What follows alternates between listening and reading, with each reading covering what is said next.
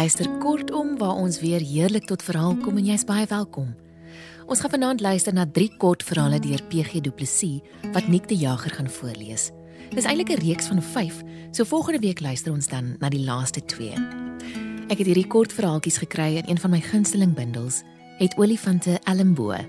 Autobiografiese verdigsels soos bygelieg deur PG Du Plessis, uitgegee deur Tafelberg in 1987. Vanaand lees Nick vir ons eerste wet van Matteus, tweede wet van Matteus en die derde wet van Matteus. Volgende week luister ons dan na die vierde en die vyfde wet. Ek hoop jy geniet dit. Ek droom die nag van Hendrik die 8ste. Nie oor die wyse waarop hy met vele vroue omgegaan en die gemaklike, lekker gewetenlose wyse waarop hy van hulle ontslaag geraak het nie. Dis 'n droom wat gevange mans sommer bedags droom. Nee, ek droom hoe ek eendag in die fliek gesien het hoe hy 'n hoenderboutjie verslind. Hoe die akteur die geel vetterigheid langs sy bol wange laat afdrup het. Hoe hy wel lustig weggelê het aan die vark, bees, skaap, visant en konyn aan sy bankettafel. Droom jy so, dan is jy honger. Die liggaam maak sy behoeftes soms in 'n droom aan jou bekend. Deesdae droom ek met weemoed maar van kos. Ek staan dus op uit my alleen bed. Loop die koue gang af kom buis toe. Want ek weet in die yskas is die halwe gebakte, gemarineerde, vetterige, lekker, lekker ribbietjie waaroor ek en Josephine die relletjie gehad het. In sy koud geworde vet, dink ek, wat ek sal wegbreek voordat ek die koue vleisies van die bene aftand. So is die mens. Kry jy 'n galaanval, kan jy 'n botteradvertensie in die fliek nie aankyk nie. Is jy honger, dan is die beelde van kos in jou. Is jy dors, dan is daar smagtende beelde van die genot van helder waterbeke tussen jou ore, soos die hert in dorre streke waarvan ons sing. Ek skrik toe ek sien daar staan klare man voor die yskasdeur. Hy skraal net in 'n lende doek soos ek. Want al het vroeëre drome my verlaat, slaap ek meer uit gewoonte as uit bygeloof met weinig, eh, selfs alleen. Vra hom wat hy daar maak. Dis op slot van sake diep in die nag in 'n private huis en sy kleding is nie na wense nie. Ek sien dadelik daar's 'n bitter trek om sy mond en hy praat met my soos 'n vrou wat jou haat en nie wil toegee sy's kwaad nie. So snedigerig. Getroude man sal volg wat ek sê. Hy kom sê hy my, my net help om my nog vetter te vreet aan die stuk cholesterol wat ek slinks in die yskas gebeer het vir verorbering wanneer ek te swak is om na my gesondheid om te sien, my uiterlike te verbeter en minder 'n vark van my te maak. Sterk woorde, kragtig. Hy is sê hy my my lyf gewete. Ek vra hom of hy dalk sal wil saam eet. Sy reaksie is nie hartlik nie. Aan vreet en suip het ek my, wil hy maar net byvoeg, soos aan rook oordadige besondig. En dan sal hy nie ander sondes noem nie, want dis nie sy departement nie. En die onmiddellike en deurslaggewende beslissing lê in daardie yskas tussen die vet. Onthou in die potgieter, vra hy my. Ja, natuurlik sê ek, vir hom groot geword. Nou, kan ek dalk tussen al die goeie dinge wat die man my probeer bybring het, iets onthou wat hy by die katkesasie gesê het oor eet? Ek onthou. Baie mense grawe hul grafte met 'n mes en vurk. En onthou ek dalk sê die man vir Paul Smit. Ek onthou vir Paul my konstante bron van nederigheid oor die skoonheid van my lyf. Maar Paul was 'n professor in die liggaamlike opvoeding sê ek. Dit was sy werk om so 'n anatomietekening te lyk op 50, sy plig. Ja, jy kon ook so gelyk het, sê my lyfgewete. Hy vryf aan sy plat pensie en ek sien hy het Paul Smit se lyf. Ek trek my potsierlik uit agter die yskas in. Onthou jy sê hy, dokter van Renen oor jou hart en jou rokery. En dat dokter Fani sê jou EKG lyk soos 'n hond se agterbeen. Maar ek droom oor kos, sê ek. Onthou jy Ernst van Heerden? vra hy. Ek onthou die digter geleerde. My kinders kom eintlik uit 'n sendeling familie, want my pa het Engels gegee in die Vrystaat en ek het Afrikaans gegee op Wits. Dis daar waar die digter tydens periodieke dieet om sy ontwikkelde spierstelsel onder 'n vetkombers uit te hou gesê het: "Jy verloor net gewig as jy van kos droom." Maar ek veg terug.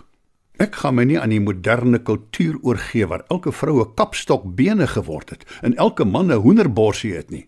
Gaan staan voor die spieël, sê hy, dwars. Ek sê hom, ek staan gaan dwars voor spieëls nie.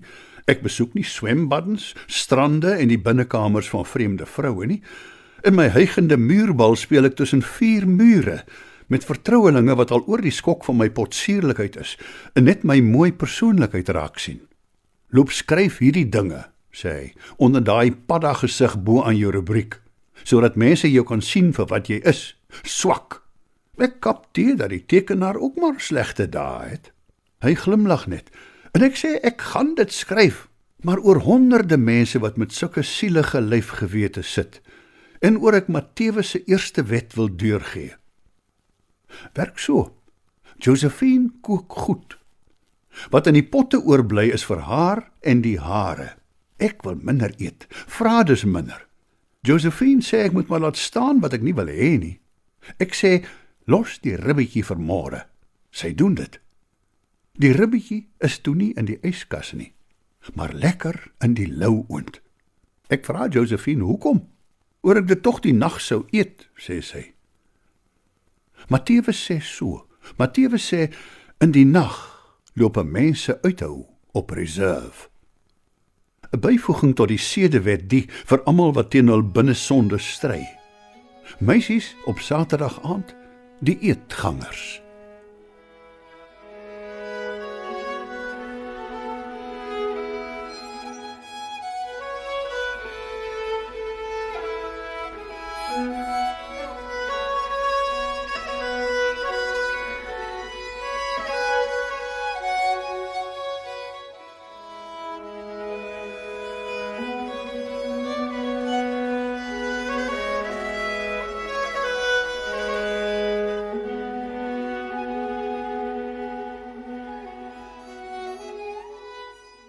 Weet nie of alle mense se koppe so werk nie. Maar myne het 'n nik om by tye deur my sondes te dwaal, sterk gesteun deur my gewete. Dit moet sulke tye wees dat mense bereid is om berge uit te klim met ertjies in die skoene. Dis ook nie net van vandag dat ek so is nie. Maat vertel dat ek as jongeling altyd opgebou het na 'n draggie slaag So of ek dit van nodig gehad het om weer 'n slag boete te doen vir die versameling sondes wat my tere gemoed beswaar. Dis waar Spok en al die opvoedkundiges wat kinders groot wou kry sonder 'n loosing of twee, die ding verkeerd aangevoer het. Hulle het nie besef hoe vredig die siel kan voel nadat die geestelike purgasie van 'n drag sla behoorlik deurgewerk het nie. Maar of jy nou die hand in die boesem ding van 'n skuld en boete opvoeding gekry het of nie, ek het hom nog. By tye, gewoonlik in die nag, begin jy oor jou sondes, jou boesemsondes, jou sondes van niks doen, jou algemene sondes, jou karaktergebreke in die soort ding tob. In die oggend lê jy dan tollenaar in die hoek van jou bed vol bewondering vir die vromes, die ywiges, die nie-uitstellers en ander fariseërs in die algemeen. Soos nou weer met die mannetjie by Gert se pomp. Dit was 'n skandaal dat ek so lekker kon kry oor so klein dingetjie. En as dit nie was dat ons die oggend die tweede wet van Matteus geformuleer het nie, sou my gewete my opgevreet het. Op reismuurbult is daar net die petrolpompe van Gert. 3 Daar's een vir die hoë oktaan, een vir lae oktaan en dan is daar die parafienpomp. Dinge werk verder so. Wanneer daar enige behoefte in Matteus se huishouding ontstaan wat stasie toe gaan noodsaaklik maak, dan is die mengsel vir die grassnyer wonderbaarlik skielik op. Dis die dat ons toe die oggend daar is. Matthewes is by die middelste pomp besig om 10 liter te kry in sy twee kannetjies olie by te voeg vir die 25 tot 1 waarop die grassnyer loop. En ek staan by die voorste pomp en wag dat hulle moet klaar kry sodat ek die bakkie kan volmaak. Op die presiese punt van ons bedrywighede swaai daar 'n karretjie van die teerpad af en sleep hier langs die hoë oktaan tot stilstand. Die deure word oopgegooi en een of ander disko groep kletter deur die stille reismuurbult. Die ding klink na luidsprekers op wiele. Ons is stemmige mense. Net die beer kan maar sy saa 'n bietjie laat skree, want hy maak mooi duursame goed. Ander verstoringe is irriterend. Links voor spring daar toe so 'n moderne opgeskote ventjie uit. En die het nou nie veel respekte vir reismuurbult en die syne nie want die boelepie is gekrul en dit gryp sommer die gordel om te begin ingooi. Omdat die vier kerels bo hulle musiek uit vir mekaar op Engels skree, gee ek toe vir die mannetjie my Engelse vertaling van die ding waarna die Afrikaner tradisie verwys as die bestudering van jou geheime onderdele sonder 'n spieël. Ek was eerste in die tou. Hulle is vier jonges. Ek staan maar nader aan die wielspanner vir geval.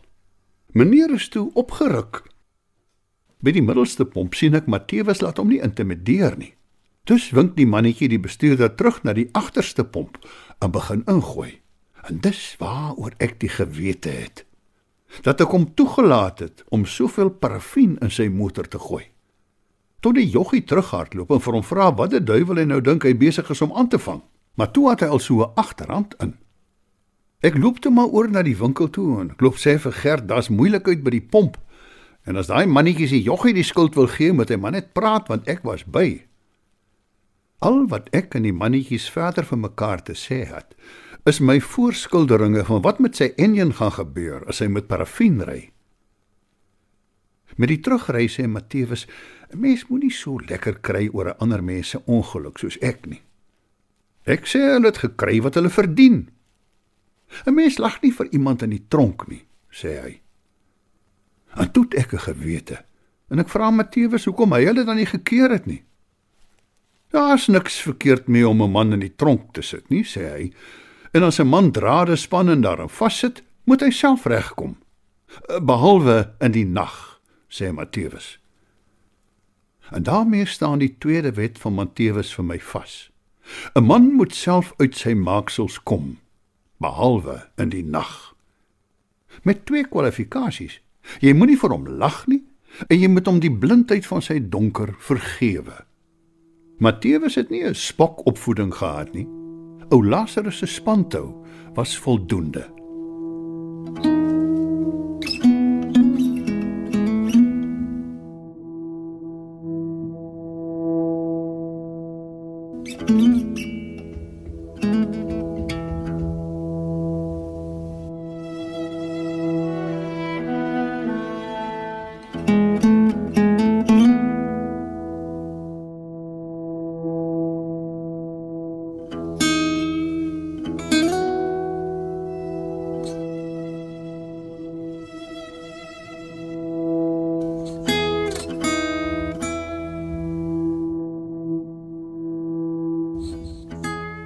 As jy al 'n melkery in die vroegoggend bygewoon het, dan sal jy heelwat meer van die samestelling van dinge hier op die plaas verstaan.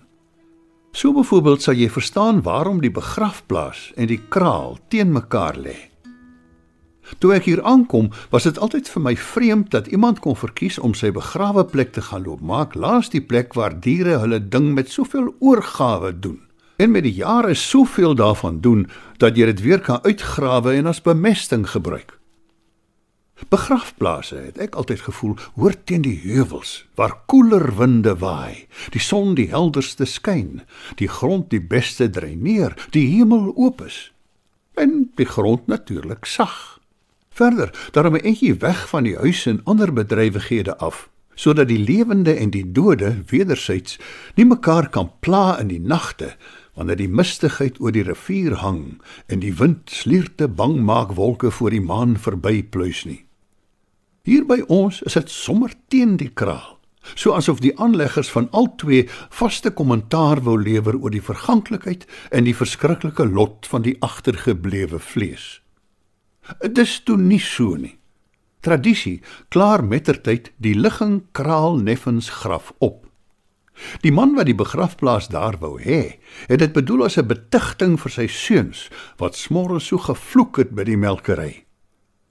Dalk, het die aanlegger gedink, sal sy seuns uit respek vir 'n oorlede vader hier neffens hulle onder die grond 'n wag voor hul monde kry wanneer blommetjie nie wil sak nie, of bontlie se kalf dalk tussenin voeter of ou nooi trap weer man in melk om of jou voet word in die mis vasgetrap en jy voel jou groot toon skeur weg van sy vier matertjies. Ek glo nie die vrome wense vervul nie, die opofferende ligging van vader en later seuns ten spyt. Want ou Karools sit die tradisie van terugpraat teen die melkerslot met mening voort. Soos by enige man wat die kuns van terugpraat verfyn het, begin die vloekery eers spesifiek Blommetjie, Bontlies of Ounooi word uitgesonder en beskilder. Maar woede soek ook 'n weierveld en so kring die terugpraat uit totdat dit alles insluitend word. Ja, selfs die menslike lot word aangepraat. Die onderwys sou dit die konsentriese metode van laster noem, van die bekende na die onbekende. Nou is ook Karools 'n man van jare. Hy is volgens eie getuienis in Ot-Ot gebore. Dit beteken volgens kenners 1900. Hy vloek dus op 83 soos 'n ervare ketter in drie tale en met uitkringende verwysingsveld. Dit volg logies dat wanneer iemand konsentries vloek, hy ook ander persone sal aanraak. Soos byvoorbeeld sy huweliksmaat, sy kollegas en sy werkgewer en die syne. Eers daarna kan hy oorgaan tot die land, die wêreld en die heelal. Wanneer ek die stellinge van ou Karools in die oggend aanluister en sy konsentrisiteit begin om my kring en ek hoor my fortuin helder en duidelik, dan maak ek maar of ek nie hoor nie.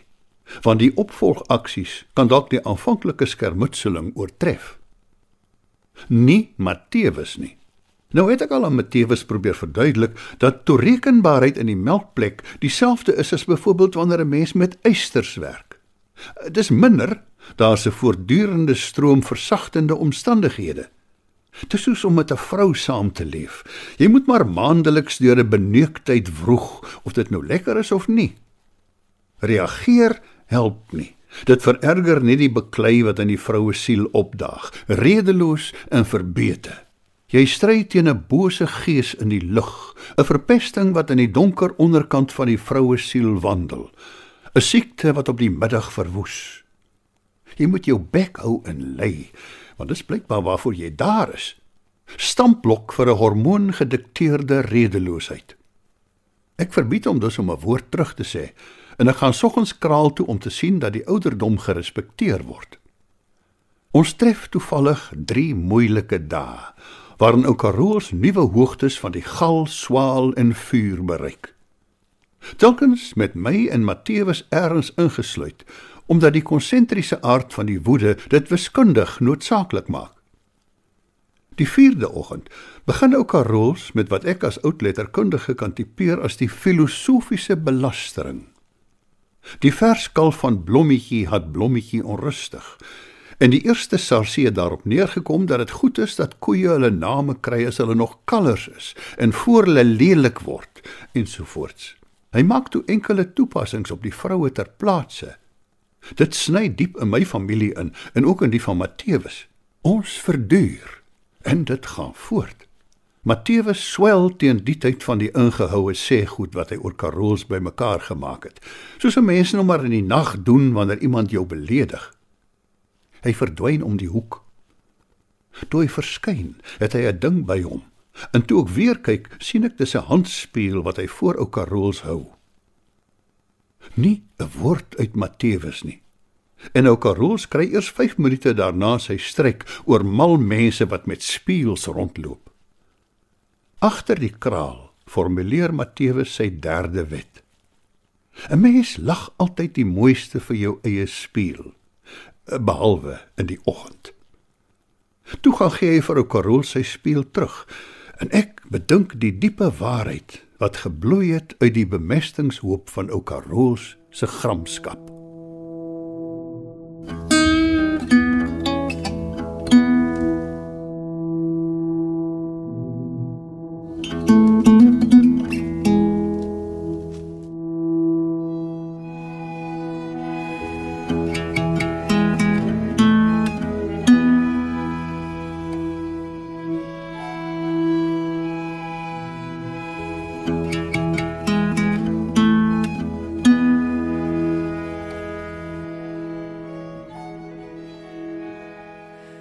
Was dan die derde wet van Matteus en voor dit het ons geluister na eerste wet van Matteus en tweede wet van Matteus deur PG Du Plessis voorgeles deur Nick de Jager.